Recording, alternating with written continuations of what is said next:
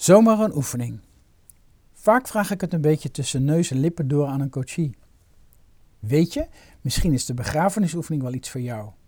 De reacties zijn vaak grappig, want veel coaches denken dat ze in de oefening zelf, ergens op een verlaten kerkhof, met een schep aan de slag moeten. Wat wil je dat ze over jou zeggen? Gelukkig hoef je de oefening niet zo letterlijk te nemen, maar hij is toch wel confronterend.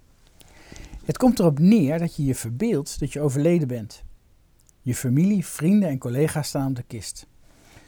Straks is er een drankje en een hapje. Maar eerst nog de toespraken.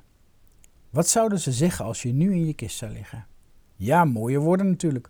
Over de doden niets dan goeds. Maar wat zeggen ze als ze echt eerlijk zijn? En wat vind je daarvan? Wat zou je eigenlijk graag willen dat je partner, je kinderen, je vrienden en je collega's over je zeggen? Wat is echt belangrijk in je leven? Met deze oefening kun je je eigen waarden ontdekken. Wat is er nu eigenlijk echt belangrijk in je leven? Dan is er vaak een behoorlijk verschil tussen wat je denkt dat er gezegd gaat worden als je nu overlijdt en wat je graag zou willen dat er gezegd wordt. De vraag is dan, wat kun je vandaag al doen als jij wilt dat er iets anders gezegd wordt? Spijt. Bronnie Ware noemt het The End of Life Check. Ware is een Australische verpleegkundige gespecialiseerd in terminale zorg. Ze schreef het boek The Top 5 Regrets of the Dying. Daarin beschrijft ze waar mensen werkelijk verspijt van hebben als ze op hun leven terugkijken. Uit dat boek zijn voor ons, de levenden, nog best een paar lessen te trekken. Niet je eigen leven geleefd hebben. De meest voorkomende vorm van spijt is een leven geleefd te hebben dat anderen van je verwachten en niet het leven dat je zelf wilde. Niet je dromen najagen, maar jarenlang in de pas lopen. Je leven laten bepalen door wat je ouders, je partner, je kinderen en je sociale omgeving van je verlangen. Of beter, door wat jij denkt dat zij van je verlangen. Om deze spijt te voorkomen is het belangrijk dat je je afvraagt wat je nu werkelijk wilt. Wie wil je eigenlijk zijn? Hier gelden de beroemde woorden van Willem Elschot. Maar tussen droom en werkelijkheid staan wetten in de weg en praktische bezwaren en ook weemoedigheid die niemand kan verklaren. Om je dromen waar te maken heb je durf nodig. Durf om die wetten, bezwaren en weemoedigheid te trotseren. Om een pad te gaan dat meer inspanning kost, maar waarschijnlijk veel meer oplevert. Te hard gewerkt.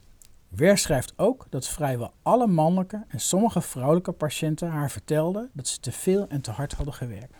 Je kinderen niet zien opgroeien, het contact met je partner en je familie verwaarlozen en vriendschappen laten verwateren.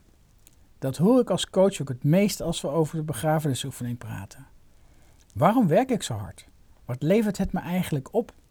En wat kost het me? En hoe doe je dat eigenlijk? Meer tijd besteden aan jezelf en aan anderen. Niet gezegd hebben wat je vindt. De derde vorm van spijt is dat mensen niet genoeg zeggen wat ze graag willen van de ander en waar ze blij van worden. Of ze stellen hun grenzen onvoldoende en verstoppen hun frustraties, zorgen, problemen en trauma's onder een dikke laag zand.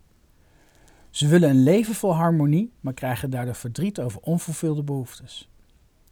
Als je zegt wat je wilt, wat je moeilijk vindt en je mening geeft, kun je op de korte termijn gedoe met je omgeving krijgen. Maar je leeft op de lange termijn een vitale en bevredigende leven. Boos gebleven.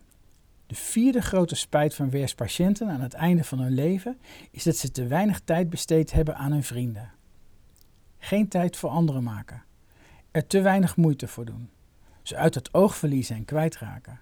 Of boos worden en blijven over iets onbenulligs. Dan, op je sterfbed, blijkt wat werkelijk belangrijk was.